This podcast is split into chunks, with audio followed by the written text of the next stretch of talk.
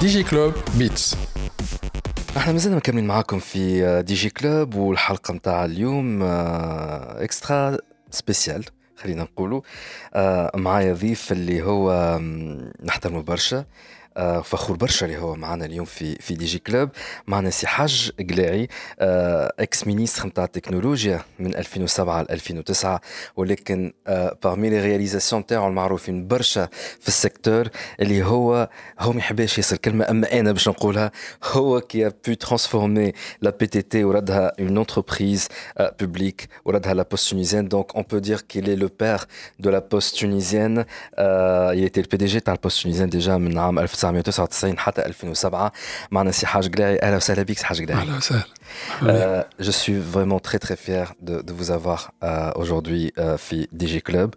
اللي يسمعوا فينا واللي يتفرجوا فينا en fait سي حاجة قلاعي على أول ما بديت الكارير نتاعي جورناليستيك et c'était dans les alentours هكاك نتاع 2007 ديجا وقت الكرياسيون تاع تي اش دي ساعتها على ليبوك سي حاج قلاعي كان هو وزير نتاع التكنولوجيا دونك وقت بديت الكارير نتاعي انا كنت صغير هناك في التكنولوجيا كان سي كنت نعرف حاجة قداي من قبل ولكن وصلنا تقابلنا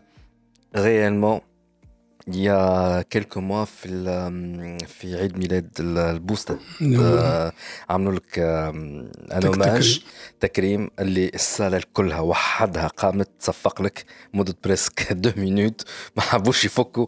وبعد ما حبوش يفكوا الناس كلها جاية تصور. معاه يعملوا في دي سيلفي ما فكيت كان بالسيف. قلت له سي حاجة قلاي نعمل لك انترفيو اي جيتي فريمون تري ايتوني اللي انت تعرف اسمي سي حاجة قلاي بالعكس أنا نقرأ لك برشا. ان تو كان في بليزير سي حاج قداي ان انت معنا اليوم كان زاد معنا اليوم يجي فولو أنك تكون معنا على خاطر نعرف اللي فما اون غروند بارتي من ليستوار تاع تونس. في التكنولوجيا تبنات زاد معك ونحن في دي جي كلوب نحاولوا دو تون اوتر أن نستدعاو الناس اللي معاهم هما بدأ السيكتور دو لا تكنولوجي باش نبداو بالأول بالكل قبل ما نخلطوا اللي تعمل فيه لي دي دانيير زاني على خاطر تبارك الله الانترناسيونال مانون دي زيتا يعيطوا لك معناها بلدان يعيطوا لك بور لور بروبر ترانسفورماسيون ديجيتال بور لور استراتيجي ترانسفورماسيون ديجيتال ولا نوتامون ترانسفورماسيون دو لا بوست نتاع البلدان هذوكم. أه وباش نخلطوا لا بارتي هذايا ولكن خلينا نبداو من الأول بالكو سي حاج قلاعي. سي حاج قلاعي وين قريت؟ وشنو عملت؟ وين قريت؟ وبارك الله فيك. أنا جو سوي لو برودوي دو لاسانسور سوسيال جو سوي ايسو دون فامي سي با موديس مي بوفر جو سوي ان فيس دو مينور ولد دو موس في الفوسفات من القطار و ومات ووالداه مشروده شدا في الفوسفات اسفكسي كوم تو لي سونتين et les milliers qui كانوا في ظروف قاسية في الكومباج فوسفات Donc, euh, je suis, j'ai fait mes études, comme tout le monde, avec cette opportunité qui nous a été offerte par l'éducation. Ensuite, j'ai terminé toutes les études de, de maths, de l'économétrie. Donc, c'était 1973, j'ai eu le bac. فين lycée lycée Gafsa.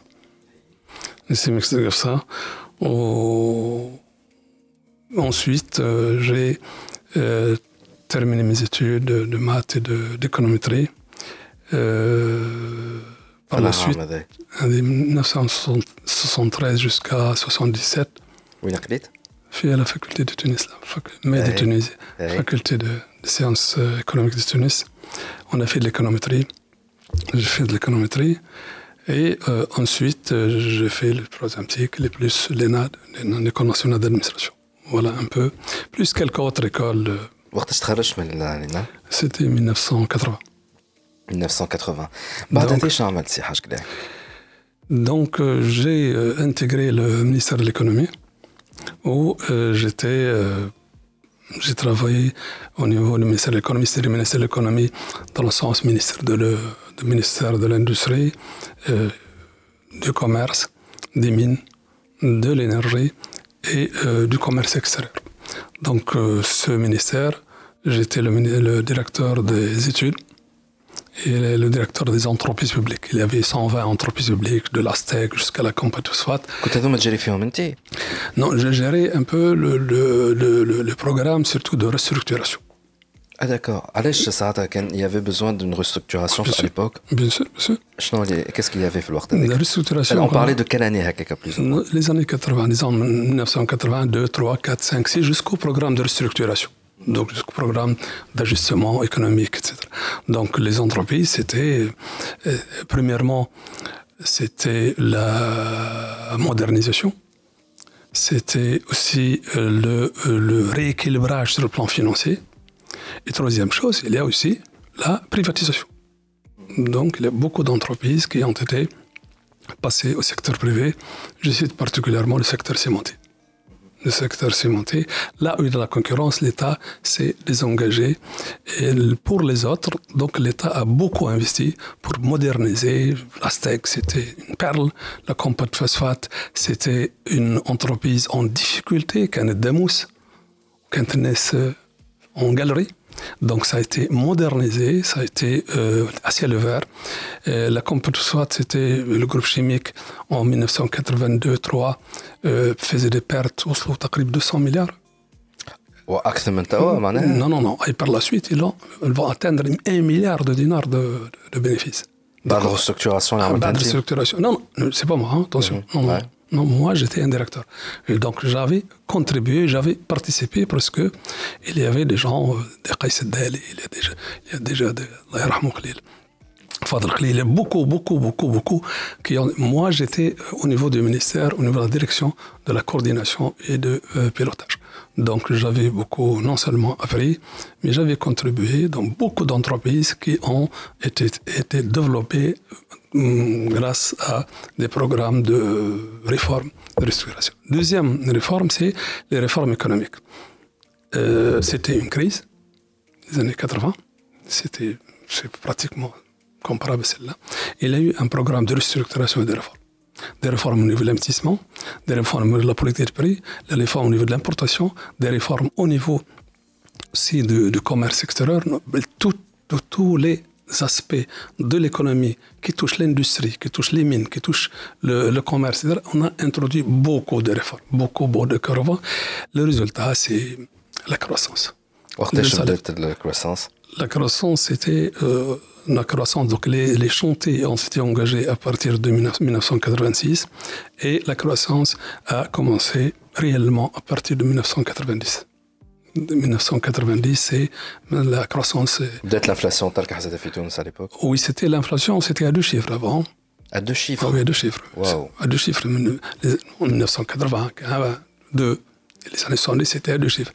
Et grâce à un programme de réforme coordonné avec une libéralisation douane, l'utilisation des prix, l'utilisation, etc., mais coordonné, hein, euh, c'était stabilisé autour de 3%. Et, ben. Et des, des, années durant, pour ne pas dire décennies. Parce que des réformes qui sont, ont été, du moins, douloureuses. Vous savez, la compagnie SWAT, c'était, on passait de 13 500 agents à 5 000. Mmh. C'était pas facile. Wow. وهذه من الحاجات اللي كنت تلهي بهم à l'époque. Je supervisais parce que c'est un grand chantier qui est supervisé par aussi des. وبعد ما وفاه هال وفات الشوانط الكل وين مشيت؟ donc j'étais euh, approché par un, secteur que je, un secteur qui est très important, qui est le secteur de communication, donc les télécoms, pour mhm. être chef de cabinet. À quel, euh, 1991. 1991, vous êtes chef de cabinet dans le ministère de l'Tisalet. L'Tisalet, l'Tisalet. Pourquoi? Parce que euh, c'était Sadaq Bahib, etc. Beaucoup de, de ministres et c'était des grands chantiers euh, qui sont euh, engagés au niveau de ces secteurs. شنو les, les chantiers à l'époque في اول التسعينات في وزاره التكنولوجيا؟ À l'époque كانت وزاره الاتصالات يسموها كمان يشتغل المواصلات المواصلات communication communication c'est-à-dire tout ce qui est télédiffusion tout ce qui est poste tout ce qui est telco et aussi l'information ici les, les, les, donc les chantiers c'est quoi qu'on a engagé c'était très dur la première c'est que ce ministère a été restructuré en entreprise qui fait donc c'était un ministère qui gérait toutes ses activités en interne اه معناها خاطر اه وي معناها لي زاكتيفيتي مثلا بي تي تي كانت كان ديريكسيون جيرال une direction générale. La, les, les télécoms, direction générale. La, direction, la télévision, directeur général. C'est direction au sein des ministères. Les Comme si... Attendez, donc c'était le ministère des Communications avec des directions. C'est comme si le ministère, par exemple, des finances avec la direction générale de la douane, la direction de l'impôt, direction, direction, direction. OK ouais. C'était exactement un ministère avec un budget, mais il y a des directions pour chaque secteur. Et donc Tunisie Télécom, non, non, non, non, non, non, c'était, on a commencé en 1993 en, en, en, en éjectant, en créant la télédiffusion, l'ONTT. L'ONT, euh, en 1993. Elle est quelle direction, Une direction, comme toutes les directions. D'accord Une direction. Et donc, tout ça, comment euh, gérer, euh, restructurer ça pour leur donner l'autonomie, la capacité d'investir. La capacité, c'est pas uniquement. De gérer le budget. Non, de gérer le budget. C'est pas par le Parlement qu'ils vont avoir leur budget, leur, euh, etc. C'est pas à travers des contrôles euh, a priori. Que... Donc, on a commencé en 1996. C'était euh, les Tunis Télécom. Et euh, 1999, c'est la, euh, la, la, Poste. Et entre-temps, il y a eu aussi la restructuration euh, du secteur avec les codes, les nouveaux codes des télécommunications, les nouveaux codes aussi de, des transactions électroniques, la forme ici. Les, on parle de quelle année restructuration avec, dans le code de télécom? Le code de télécom, c'est en 1999-2000. Oh, avant ça, il y avait un code de télécom? Euh, avant ça, c'était un code, évidemment, c'est la réglementation, évidemment, c'est un code, mais le code de télécommunication ne prévoit pas l'ouverture, l'ouverture du marché. Donc, il y a plusieurs c'était un monopole. C'est les télécommunications, c'était un monopole. Personne d'autre. Maintenant, le nouveau code qui a été préparé, que ce soit au niveau de la poste, c'est comment ouvrir le marché ouvrir le marché à un nouveau player, un nouveau acteur, un nouveau. Euh, C'était en 1999. C'est ça. Donc cette période-là, 1999 jusqu'à 2001, c'est cette période-là de chantier de restructuration, euh, de mise en œuvre de la restructuration. Avant, c'était les préparatifs. Et c'est euh, en 2001 que fait... Tunisienne à l'époque lançait Fitouns. 2000, oui, 2002. 2001, 2002. Et en 2001, il a une licence. 2002, il a euh, il commercialisé. Oui, très bien. Et donc, Enti, quand ça c'est le premier, c'est comme chef de cabinet. Chef de cabinet, mais c'est pratiquement le, pilotage, hein, parce qu'il n'y avait pas. Donc c'est celui-là. Deuxième aspect de réforme, c'est l'investissement. C'est quoi l'investissement? Euh, C'était, euh, vous savez, les télécoms, etc. par définition, on venait de l'économie. Euh, ils sont des grands gourmands en flous, en flous, grands gourmands en investissement, ouais. grands gourmands d'importation. Et c'était dans le temps ridicule d'être des consommateurs comme ça en importé. C'est-à-dire, je pas compris. Voilà. Donc, on a fait une politique. Une politique, c'est que l'investissement au niveau télécom, il doit être accompagné par un investissement dans le pays une dynamique dans le pays. Voilà. Premièrement, euh, tout ce qui est importation, c'est lié à la création, à la création d'entreprises en Tunisie de production à l'international. Exemple. On achetait des centraux téléphoniques. On achetait des, des par exemple, il y avait avant c'était les, les, trans, les transmissions de données, les X25, je ne sais pas quoi, etc. Ouais. On achetait Delcatel. Et on achetait, c'est quoi? C'est quoi on va acheter comme maintenant? Non. On ne peut pas acheter de quelqu'un, on a instauré cette politique. Si vous n'installez pas une entreprise en Tunisie de production, c'est pas de, substitution, de production, ce que vous voulez, hein, mais production pour l'intégrer dans votre chaîne de production mondiale. C'est pas, pas la substitution. Un exemple. Un exemple. Donc, pour acheter les, les, les data, les, disons, le réseau de data, transmission de données, les data qui sont devenus par la suite des switches de, on a exigé d'Alcatel d'ouvrir. C'était en quelle année Ça, c'est en 1993. Oui. Donc, on a acheté un contrat, mais ils doivent ouvrir une unité de, de, une unité de, de production de logiciels. De le? Logiciel. C'est quoi ça? software. Ah, Un logiciel. De software qui de seront soft... intégrés dans le réseau mondial. C'est-à-dire, pour l'X25, il y a eu deux logiciels, deux softwares qui ont été délocalisés production de end-to-end en Tunisie. C'était facile de négocier ça avec Alcatel à l'époque? Ou euh, elle, plutôt, il y avait beaucoup de résistance Je ne sais euh, pas. Hmm On n'achète pas. Je suis acheteur. Avec tout le respect que j'ai pour, bien évidemment, pour la Tunisie, mon pays. Mais, là, je me roule, mais c'est pas grande flousse. Non, non, non, non, Dans le temps, on achète, euh, disons, à peu près 100 millions de dinars, ou bien 100 millions de dollars par an. Et c'est pas, euh, c'est pas mince, hein. Il y a la concurrence. Faire jouer la concurrence. Hmm. Non, non, non, non, non, bien au contraire, on a imposé ça.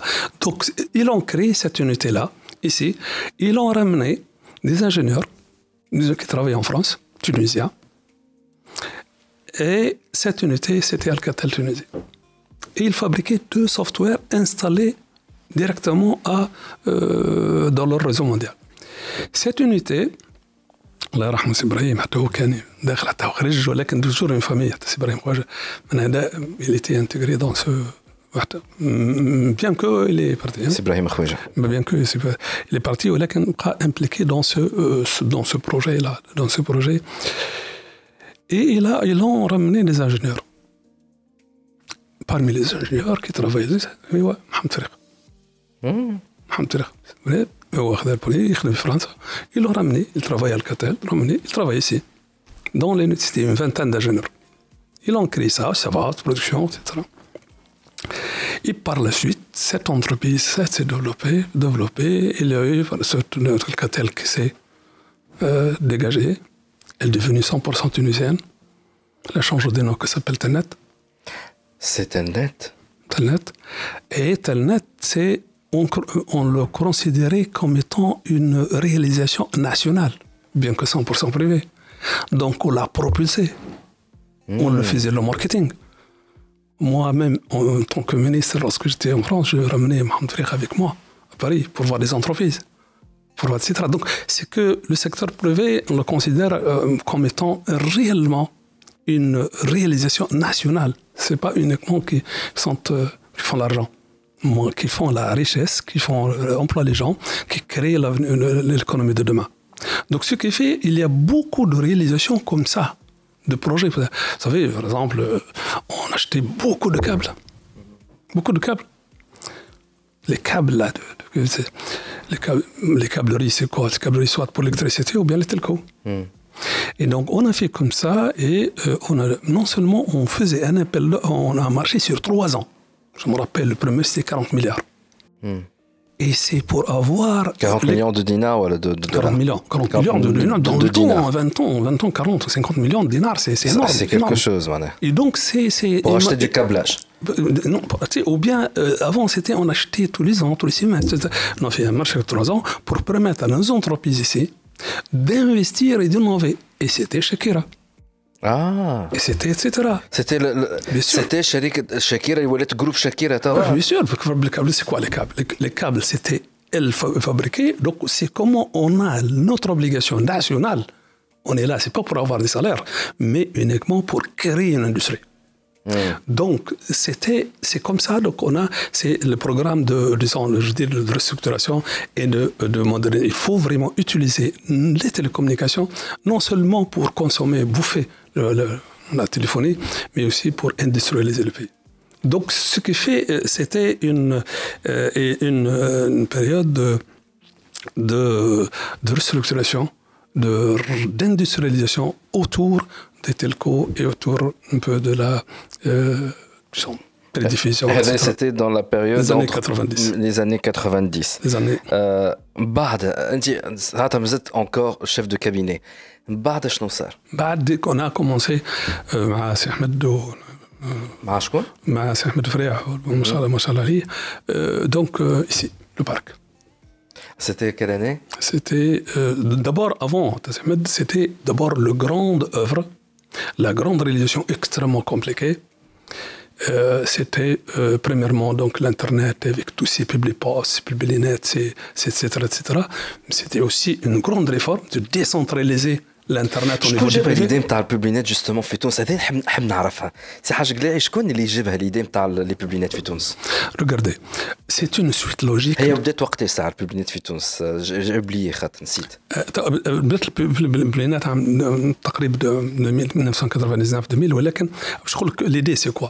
Elle est très simple, très simple. En 1991, 12, en 91, c'était, euh, on est venu, donc, quand je dis donc, de l'économie, etc., etc., et c'était les taxiphones. Oui. Et, et les taxiphones, c'est quoi Les taxiphones, c'était au niveau des bureaux de PTT, les bureaux de poste. Peut-être uniquement. فما شكون يسمعوا فينا ما ما يذكرهمش يفهموش. لي تاكسي مش- لا، لا، فون لا، راه قبل راهو كان إيه، إيه، فما فهمت. حوانت إيه، فيهم دونك- تليفونات زرق باش تنجم تعمل تليفون لازم La- تاكسي الحوانت فون شنو؟ لا، C'était, on s'est dit alors pourquoi tout ça faire la- dans l'administration Il faut le privatiser. Et donc, au lieu qu'il soit installé, géré par, la, par les petits dans le, donc on a fait un, un cadre de, de, de, de, de réforme, de privatisation. C'est-à-dire que, allez, vous allez ouvrir, vous allez avoir 33% de vos de revenus pour vous et par la suite devenir 50%. Les revenus, donc, vous savez, je me rappelle, les revenus de... Euh, et c'était euh, euh, incroyable, c'est incroyable, parce que ça améliore la qualité, etc. etc. Deuxièmement, on a commencé aussi avec les public posts, la même chose les, bureaux comment ouvrir des baby postes. Des baby, donc des postes qui ouvrent. Troisièmement, avec l'Internet, c'est des publinets.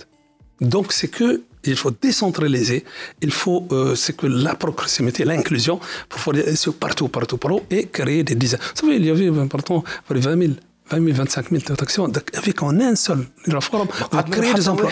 Non, pourquoi? Parce que nous sommes, par exemple, à Oman. C'est ce taxiphone-là, ils ont l'idée, mais c'était maintenant transformé en étant le support de l'administration euh, électronique.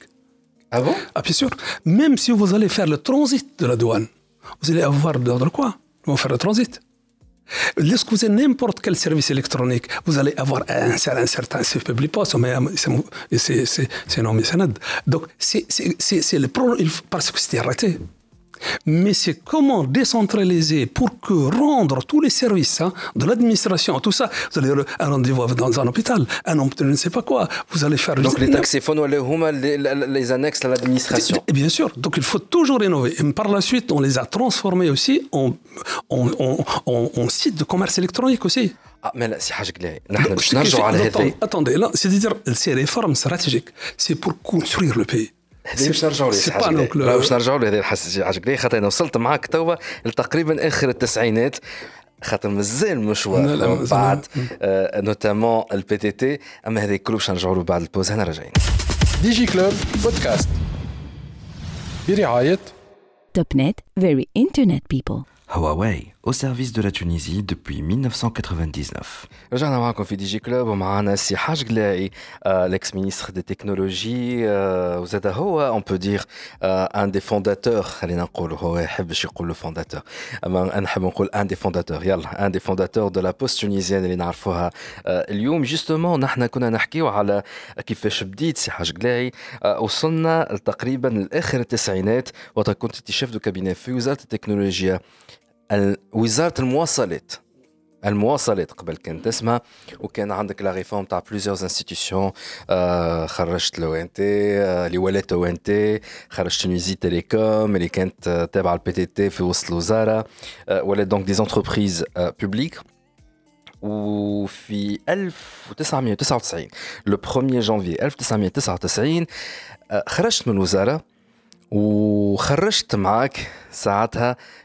لوتر بارتي دو لا بي تي تي اللي هي البوستا باش ولات البريد التونسي. كانت نجم تحكينا على كيفاش صارت هالليستوار هذايا نتاع البريد التونسي كرياسيون تاع البريد التونسي ملي كانت البريق والبرق والهاتف القدوم بالكل نجموا يتذكروها. البريق والبرق والهاتف ولات البريد التونسي. كيفاش صارت الحكاية؟ Euh, effectivement, c'est une euh, belle histoire. Dans le sens où euh, en 1999 la poste البريد كان يعاني في من انهيار البريد التقليدي طبيعة الحال. كان كذلك في مناسبة الفترة هذيك هو مناهي الإنترنت. الإنترنت هو اللغة الأساسية هو المستقبل. و اما الانترنت مش تاع الإنترنت نتاع اليوم راهو سي لو ديبي تاع الاخ تي سي. لا س- لا l'RTC avant.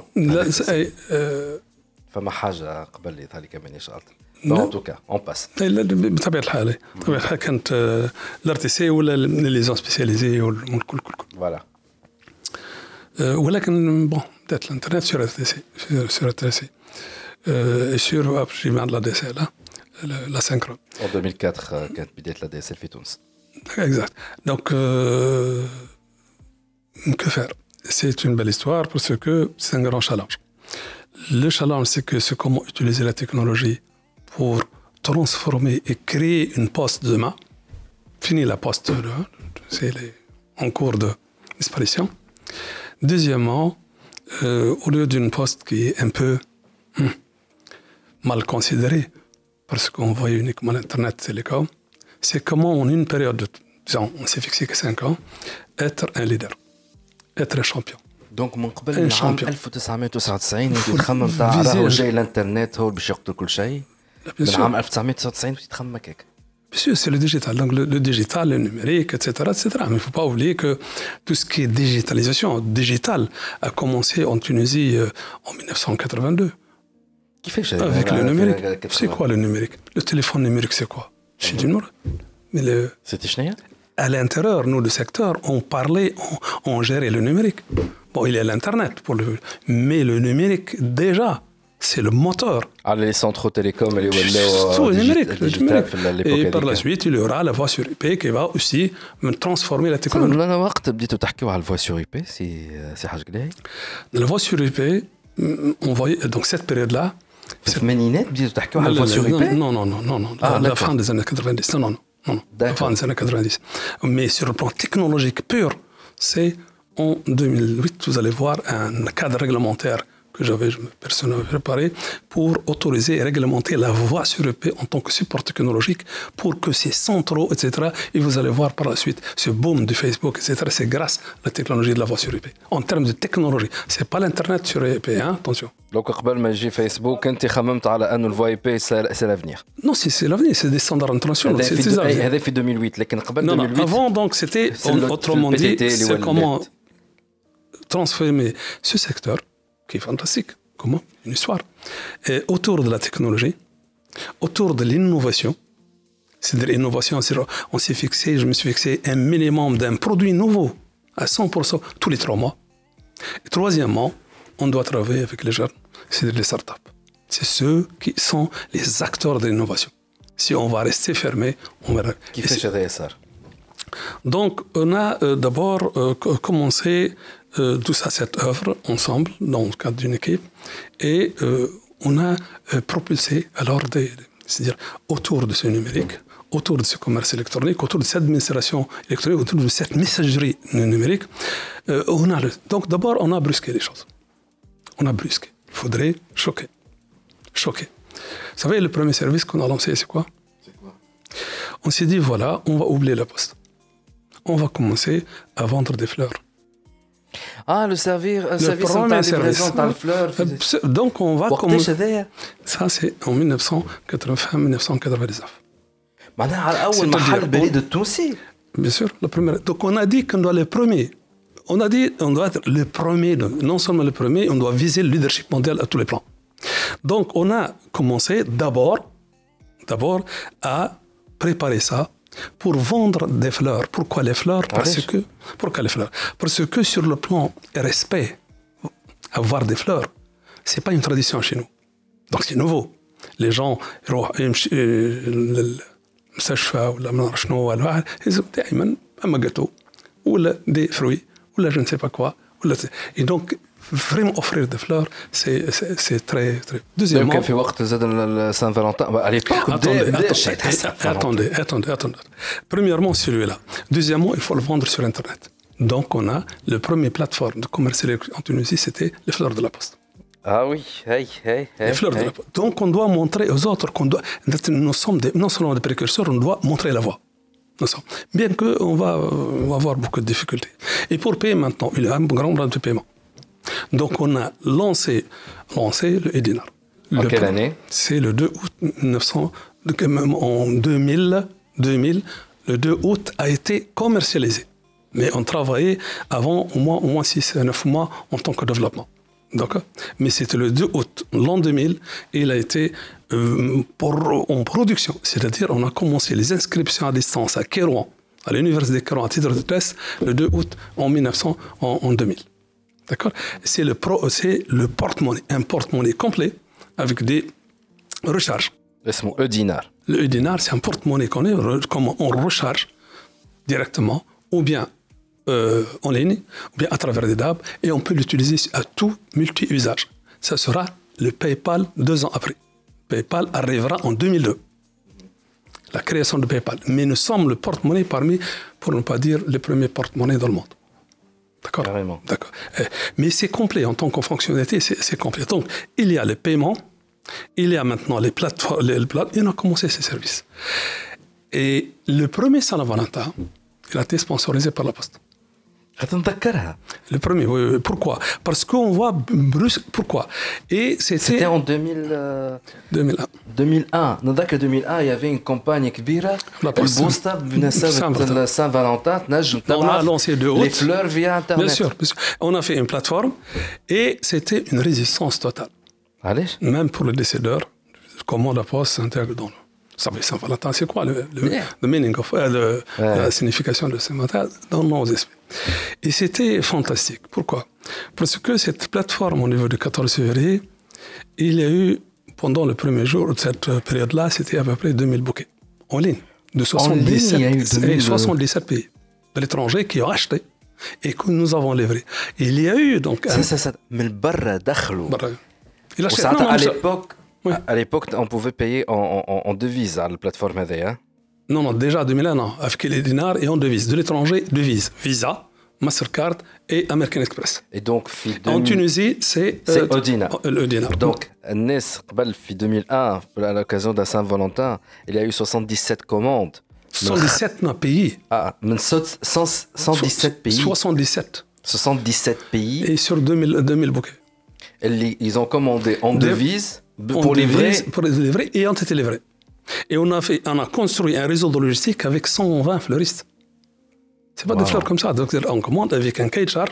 Lorsqu'on vous dira, on passera dans une heure maximum avec un, des, des, des, des 8 catégories de fleurs, de, de bouquets, etc., standardisés, etc. Donc c'est vite fait, c'est ça le commerce du luxe, c'est montré. Et donc, euh, ce qui est un peu, un peu bousculé là, c'est que avec ces résistances, on a beaucoup de résistances critiques, même des. Mais qui chef le flou, ou chef le résultat, non, non, non, non, non, non, non, non c'est pas ça, non, c'est pas ça. Non, non, pourquoi toujours le faire de l'amour, etc tabou. Quoi. Euh, une entreprise publique, en c'est impossible. C'est impossible. impossible. impossible. Ah, ah, ils vont par la suite. Hein, c'est que lorsqu'on a, premièrement, il y a eu le soir euh, deux étudiants du Japon euh, à Tokyo, tunisien, ils ont envoyé par hasard au ministre un fax, leur dire c'est pour la première fois que nous sentons fiers d'être tunisiens. Oh. Comme ça. Hein. À l'époque, l'ouzir, je compte. C'est vrai. c'est Ahmed Frère. سي احمد فليع. نحيوه نحيوه ما شاء الله عليه بصراحه ما شاء الله عليه. Ouais. Et ساعتها il a réalisé لا لا, l'importance de la لا, لا, plateforme. لا مش المقدرة il a réalisé moi c'est un politique très intelligent etc ولكن il y avait de la résistance on l'a pas s'intéresser à ça c'est pas n'importe quoi n'importe quoi Bon. et qu'est-ce qu'ils disaient ces étudiants ils disaient la première fois nous avons envoyé à nos mères à nos mères à Kérouan elles ont reçu les bouquets de fleurs et je- on vous remercie beaucoup Ah oui. et donc lorsqu'on a fait les statistiques c'est 50% des bouquets de fleurs sont destinés à des mères À l'occasion de la Saint-Valentin. Donc, c'est pas aussi là, parce que l'amour, c'est pas uniquement l'amour. donc, il y a aussi l'amour de la, de la mère, l'amour du père, l'amour de la famille, l'amour aussi du pays, etc. Donc, ce qui fait, euh, c'est ça la deuxième chose, parce qu'on a eu une résistance au niveau du commerce électronique. Les gens vous disent, les gens, c'est décideurs, hein. Off Internet, eh, il n'y a pas, les gens n'ont pas de PC, n'ont pas d'Internet, n'ont pas de... Et donc non, c'est la, la, mentalité de, de, justifier le, le blocage. D'accord? Alors, euh, ça n'a pas marché. On a commencé aussi avec le soutien de Ahmed, donc l'inscription à distance. On va attaquer les étudiants. Allez, les étudiants, on va permettre l'inscription à distance. L'inscription ah, à distance. Voilà. Donc, mais on va montrer. Euh, donc, il y a eu aussi des résistances. Et par la suite, elle va se développer. Troisième élément, puisqu'on a trouvé de la résistance, on a vu, on a trouvé quelqu'un qui est très, très positif, très très positif, c'est le président du club africain. Kamel Edir est très ouvert. Est-ce qu'on peut vous aider, le club africain, à faire le ticketing du club africain, tout le ticketing en ligne? Alors, au lieu d'avoir un marché noir, je sais pas quoi, donc c'était un derby, je pense, un derby où je pense 30 000, je m'en 25 000, 25 000 tickets. Et, on a, et le résultat, c'est que d'abord, tout le pays achetait des tickets en ligne. Deuxièmement, c'était vite fait. Troisièmement, c'est le marché noir, il n'y a pas de marché noir. Et que c'était fantastique. Et donc, on a commencé le football. Ça sera par la suite la Coupe d'Afrique, par la suite la, Coupe du Monde de handball, etc., etc. Et c'est pour l'essentiel, c'est pourquoi tout ça on le fait. C'est pas pour faire des affaires, mais pour montrer qu'on peut réussir. Ce n'est pas vrai. Donc, on peut euh, développer tout ce qui est économie numérique pour tout ce qui c'est la population. Ce n'est pas vrai parce qu'ils n'ont pas Internet. Ce n'est pas vrai parce qu'ils n'ont pas PC. Mais lorsqu'on crée quelque chose de masse et d'utile pour les étudiants et pour les gens vont, suivre, vont suivre. vont Ça pas. Donc, on va dire, euh, parce que la tendance avant, non, mais la carte bancaire, je sais pas quoi, ta, ta, ta, tout ça. Donc, ce qui fait, euh, c'était, euh, donc, notre enjeu, c'est celui-là. Notre enjeu, c'est mettre la poste au cœur du commerce électronique. Donc, c'était le premier site de commerce électronique, la poste. C'est le premier CRM en Tunisie qui a été installé au niveau de l'entreprise publique. Et c'est un Avaya avec toute la technologie d'un centre d'appel, etc. Donc, on l'a acheté d'ailleurs à 200 000 dinars dans le temps. C'est très, mais c'est pour réellement se, se, se doter de tous les. D'abord, premièrement, donc tout ce qui est paiement. Deuxièmement, les paiements, nous avons en 2001, 2002, 2001, on a lancé les, les services bancaires, les chèques postaux en ligne. Donc, tous les chèques postaux sont devenus en ligne et avec, donc, on fait des virements avec des certificats électroniques. Vous vous rappelez, on a commencé aussi le paiement des impôts, les taxes, les impôts en ligne à travers les checkpoints. C'était quelle année C'était en 2002, 2001, 2002.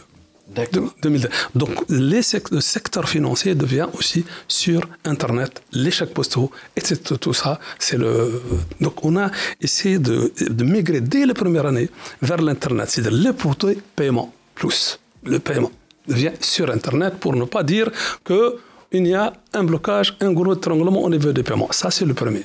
Le deuxième, c'est on a aussi euh, euh, développé un peu tout ce qui est, euh, disons, logistique. Nous sommes le premier pays dans le monde, et jusqu'ici d'ailleurs, où on a fait un contrat avec DHL, ne travaille pas à la poste à l'échelle mondiale. Nous avons un contrat, le seul pays dans le monde où il n'y a pas d'agence DHL. Ah oui le seul, le seul pays. Hein. Pourquoi? Parce qu'on a essayé, de développer le secteur postal, la logistique à un niveau que, DHL peut gagner à travers nous au lieu d'ouvrir des agences. Donc sur le plan technologie, sur le plan organisationnel, sur le plan euh, de euh, CRM, euh, business. Mais quelle année business, ça, ça en 1999, c'est dès le premier. Dès le premier? Dès le premier, DHL s'est positionné, positionné en tant que premier. Et on a été suivi par la Suisse, par les États-Unis, par la Suisse, par l'Australie, et ensuite la France avec FedEx. Pas. Donc les- maintenant, évidemment, c'est autre chose. Donc nous sommes, c'est comment être euh, précurseur. donc c'est cette logistique. Et les gens, évidemment, avec Rapid Post, je pense, dans le temps, vous n'aviez pas de problème pour, euh, etc., délivrer à l'étranger, contrairement à toutes les postes dans le monde. Ça, c'est donc la logistique. Euh, troisième chose, c'est le courrier. Certainement, vous recevez des, vous recevez votre euh, statement, le chose bancaire, là, le relevé, euh, relevé bancaire. Vous recevez chez vous, là, Ouais. Ouais, je le reçois par la poste. qui, l'imprime ça? C'est la poste Ubeli. Donc tout ça, c'est ce qu'on appelle le courrier hybride.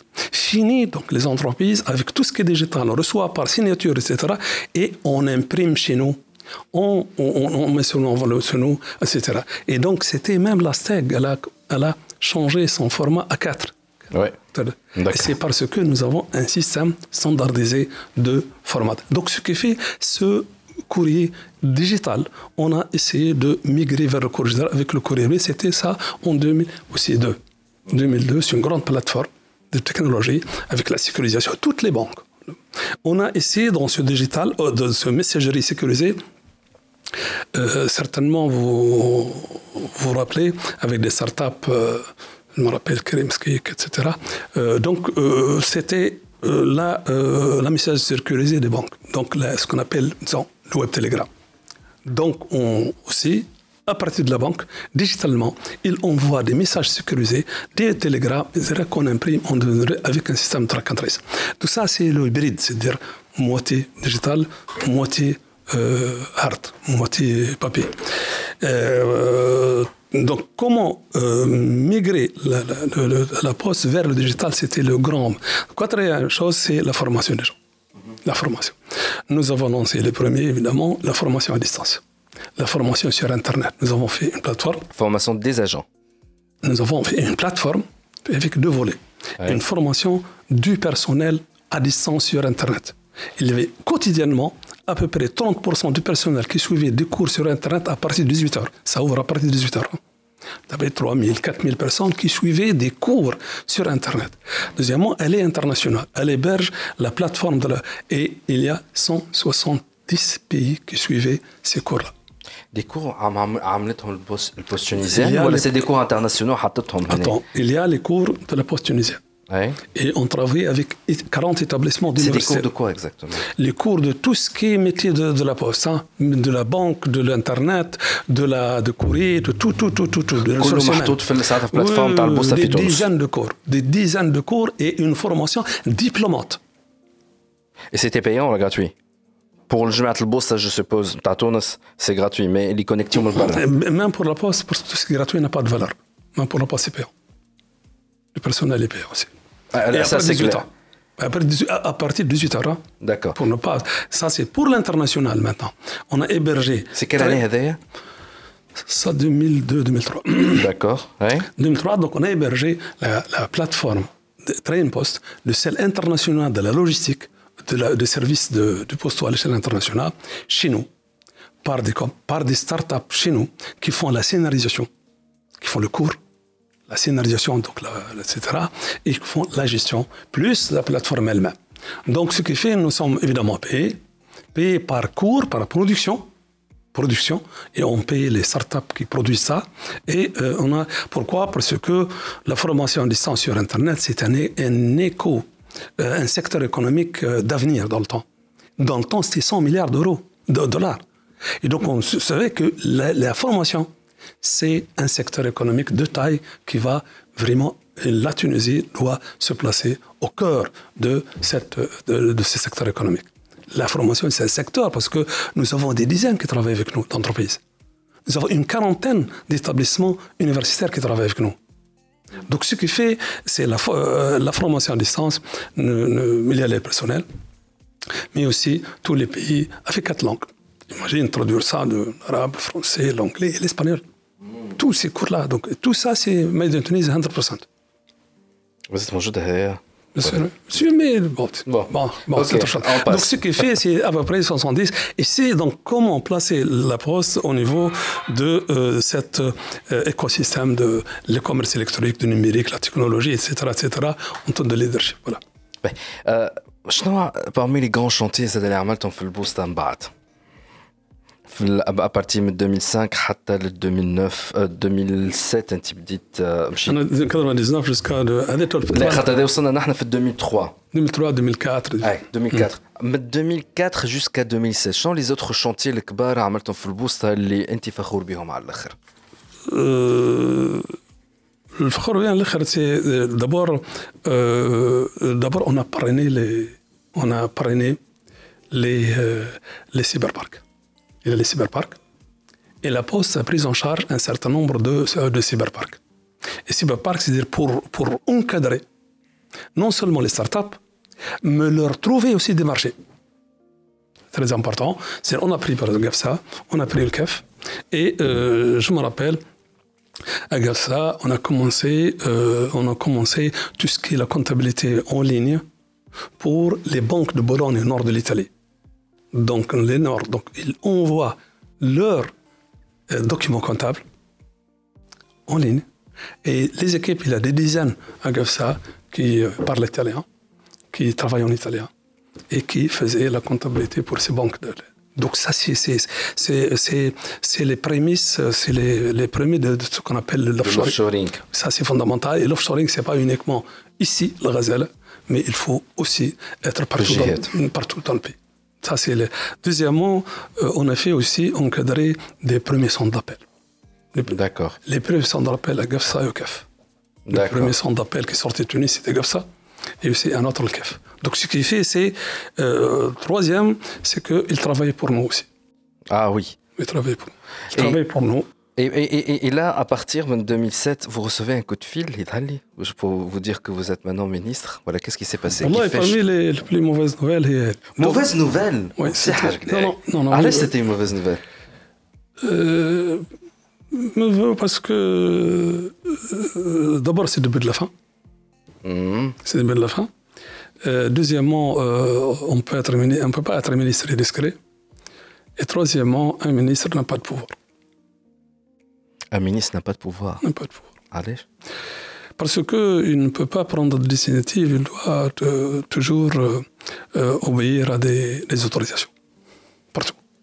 Hmm. Si ce n'est pas le Parlement, c'est le gouvernement, si ce n'est pas le président, si c'est le ministère des Finances, etc., c'est un budget. Alors que vous êtes une entreprise, euh, vous pouvez, alors là, euh, c'est euh, c'est le résultat qui va compter. L'évaluation, c'est le résultat, c'est le- c'est les, les, clients qui sont satisfaits, etc., etc. Alors que pour un ministre, c'est une... bon, son objectif, c'est ouvrir les horizons. Aller des horizons quand même. Walda. Oui, donc, mais c'était, moi je suis euh, plutôt un manager qui est versé sur le management, sur la transformation. Donc, bon, c'était pas une mauvaise nouvelle, mais au niveau du ministère, on a fait de, de fait le- on a continué cette œuvre, de, cette belle œuvre de, de, de transformation, euh, de transformation, parce que, hum, bon, c'est, c'est ça, le, parmi lesquels euh, on a essayé, c'était des rêves.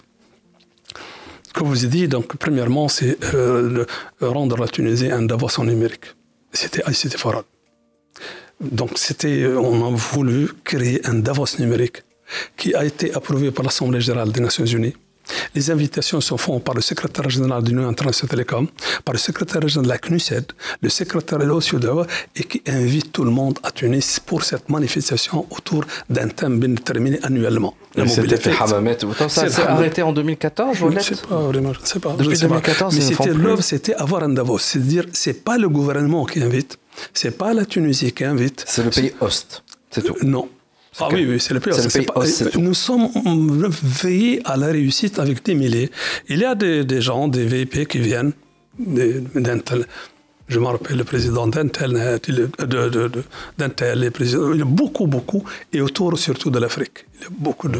Oui, ça, je m'en rappelle très très bien. Et En tout ça, c'est fondamental. سي حاج قلاعي آه، نحن اون فا ماركي اون بتيت بوز آه، خاطر تو بعد البوز هذا باش نحكيو على الكارير نتاعك على النيفو انترناسيونال خاطر بعد 2010 آه، تبارك الله عليك ولاو يتخطفوا فيك في برشا بلدان لا، آه، دونك باش تحكينا على الاكسبيريونس نتاعك او نيفو انترناسيونال وشنو هو لي رياليزاسيون اللي عملتهم او نيفو انترناسيونال اما هذا كله بعد البوز انا راجعين ديجي كلوب بودكاست برعاية Topnet, very internet people.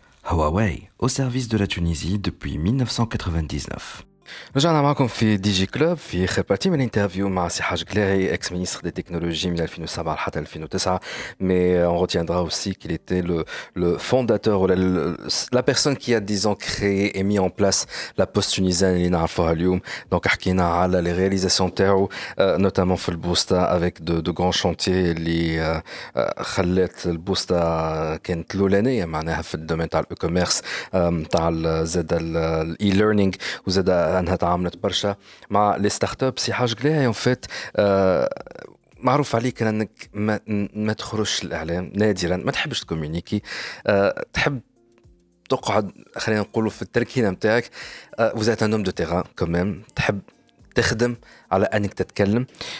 مي دوبوي 2009 من اللي خرجت ما عادش في المينيستير سورتو من 2010 ما عادش نسمع عليك. اي اون فيت خاطرك اغلب الوقت ماكش قاعد تخدم في تونس قاعد تخدم برا تونس شنو عملت دوبوي 2010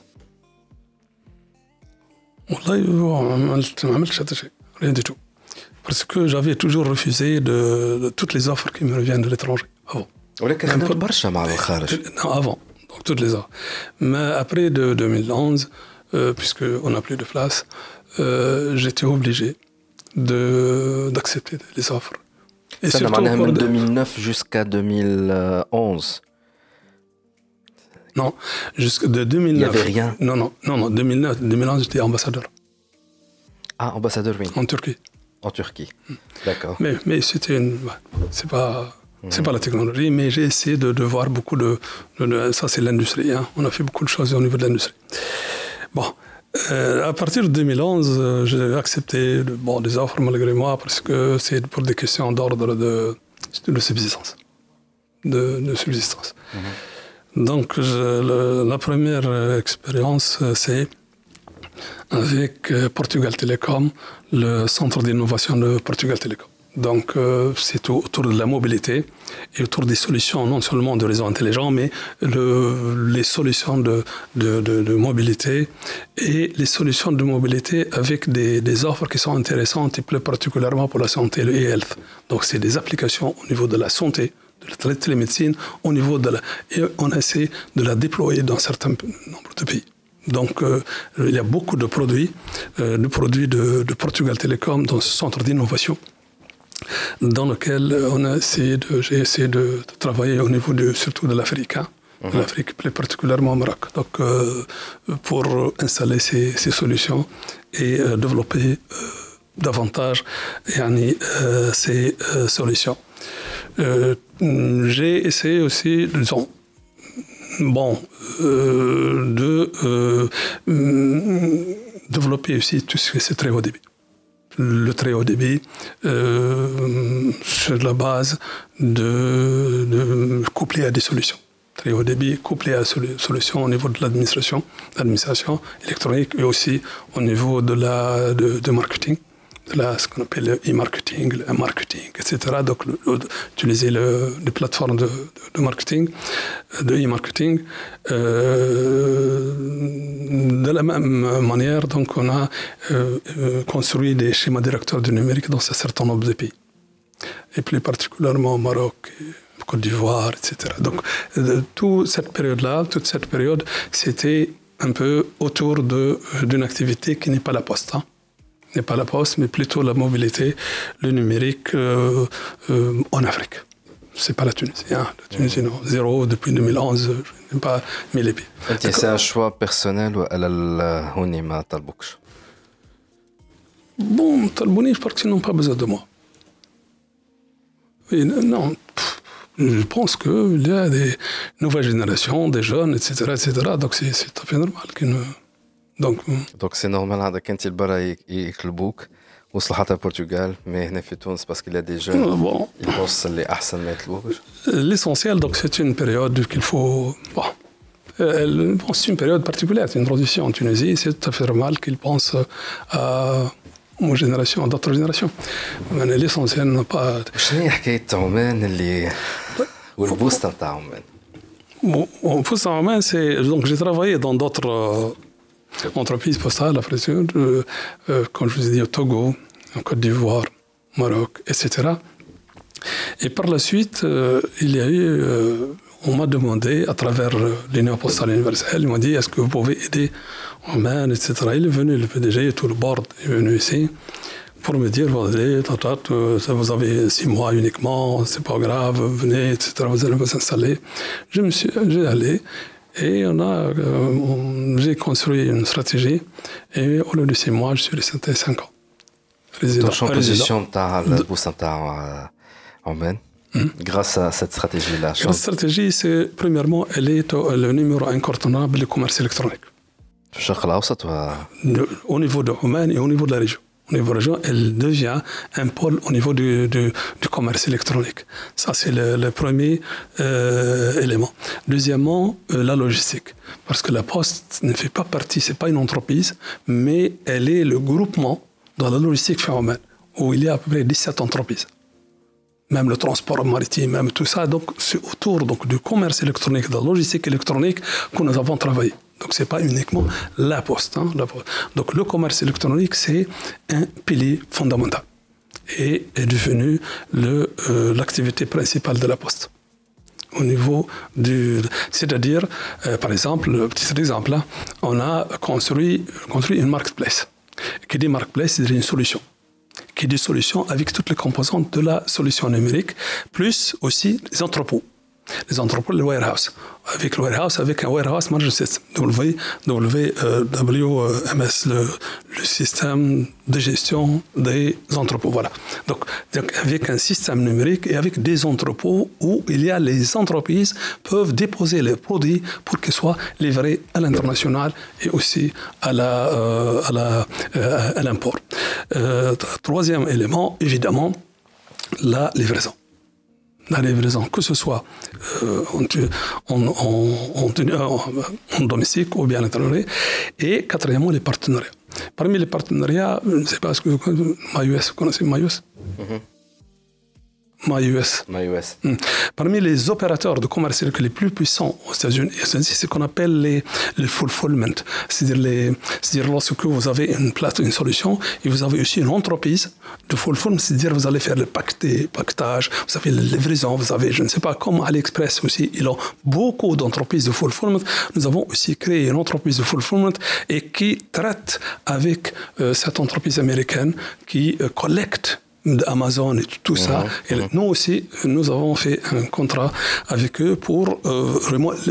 Les grâce au consulting Non, c'est pas le consulting. Moi, je conduisais. Tu es là-bas résident et j'étais directeur, directeur général. Ah, carrément hmm, D'accord, Non, non, j'ai géré. Non, j'ai géré, j'ai géré, c'est signé. non, non, j'ai géré. Carrément Oui, non, je sais. 5 ans de. Je suis le. le numéro 2, quoi, numéro 2. شو تعمل بالضبط؟ تو شو تعمل بالضبط؟ Euh, pour les 5 ans, personnellement, je suis fatigué. Et euh, malgré eux, ils ont fait même une pétition pour me retenir, tout le personnel. J'ai quitté au mois de juillet pour s'occuper d'autre chose. Euh, on a une dizaine de pays.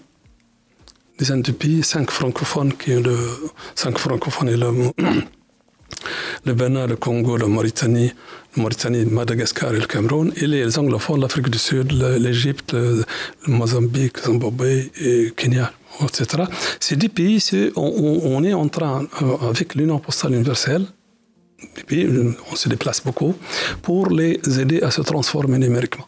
Donc, c'est tout cette transformation numérique autour de deux axes fondamentaux, le commerce électronique et l'administration électronique. Donc, c'est des, on construit des, je construis des, des, des feuilles de route, quoi. Un plan d'action opérationnel. C'est pas une évaluation opérationnelle. Comment se transformer avec, même avec des cahiers de charges? Même avec des cahiers de charges, comment. Euh, et donc, on a commencé depuis euh, quatre mois c'est pénible un peu avec ce Covid, mais je, je déplace tous les mois. كان عندك حاجة خاطر وصلنا نحن لآخر اللقاء متاعنا سي حاج قلاعي كان فما حاجة تحب تقولها تكون هي كلمة الختام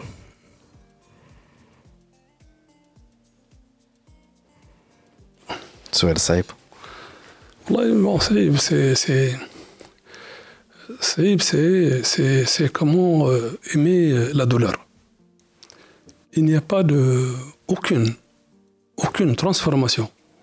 Aucune. C'est comme si, même en football, il faut avoir beaucoup de voleurs pour être champion. Les joueurs. Donc même dans ce monde-là, si euh, on ne va pas accepter les douleurs, l'effort, les sacrifices, les erreurs, les, etc., il faut faire attention. Faire attention. Donc il faut pousser les gens, encadrer les gens, euh, coacher les gens, coacher les jeunes vers le la fourniture de l'effort, vers le sacrifice, vers le etc. pour être les champions par la suite. Est-ce que nous sommes en période de sacrifice? Euh, Bien sûr que non.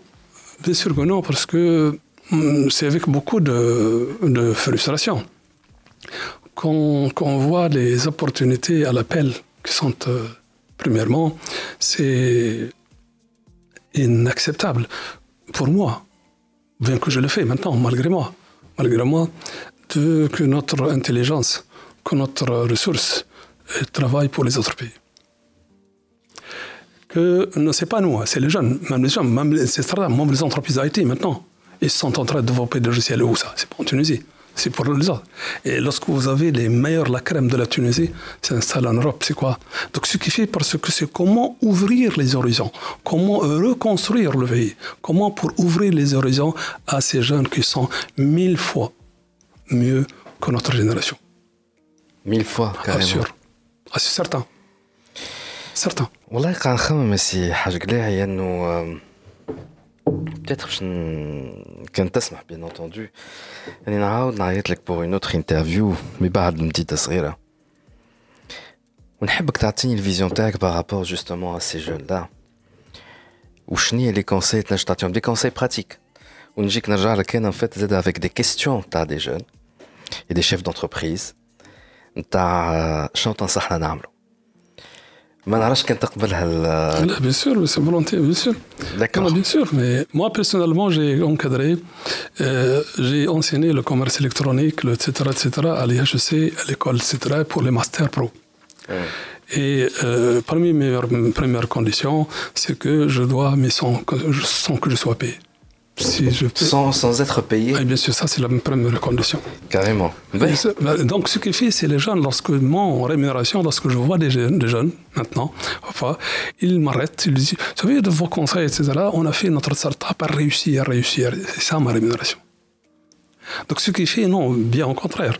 Mais euh, ces jeunes, ils ont un, défi, un grand déficit de support. L'État est, euh, en général, il est très positif mhm. en termes de ben, incitation, mhm. incentive. Euh, mais ce que leur manque, c'est l'apprentissage. Vous savez, donc nous, on voit la poste avant, ces startups, ces entreprises ils sont logés chez nous aussi. On Oui, tout, en, a on on offre. avait parlé déjà. Mais donc ces jeunes-là, il faut les encadrer, il faut les coacher, il faut leur vraiment ça c'est ce qui manque beaucoup. Et ça nécessite aussi un peu de c'est pas d'initiative mais le risque de voilà tout simplement. De tendre la main tout simplement. Tendre la main mais il ne faut pas qu'ils soient par la suite euh, considérés comme des coupables. Je comprends parfaitement. En tout cas, c'est Haj Glay, ex-ministre des technologies فخور برشا اللي انت جيتنا اليوم فرحان على الآخر زاد بالفيزيت هذايا جيسبر اللي سمعونا اليوم واللي يتفرجوا فيك وصلوا تعلموا من الاكسبيريونس نتاعك ان توكا فهموا انه بارفوا معناها ليستوار سني كان كيفاش نقولوا فيها هي ce n'est qu'un recommencement. اللي قاعدين نشوفوا فيه توا شفنا du moins une partie تشبه في l'histoire وخلط عليها انت و il fallait faire, il fallait oser et oser بالكبير زادا sans avoir peur et euh, oser aussi se tromper pour pouvoir reconstruire على قاعدة ما أحسن. En tout cas, euh, c'est Haj Gdea, merci beaucoup Merci d'avoir beaucoup. accepté notre invitation. Nahna, on va marquer une petite pause et on revient tout de suite. DigiClub Beats.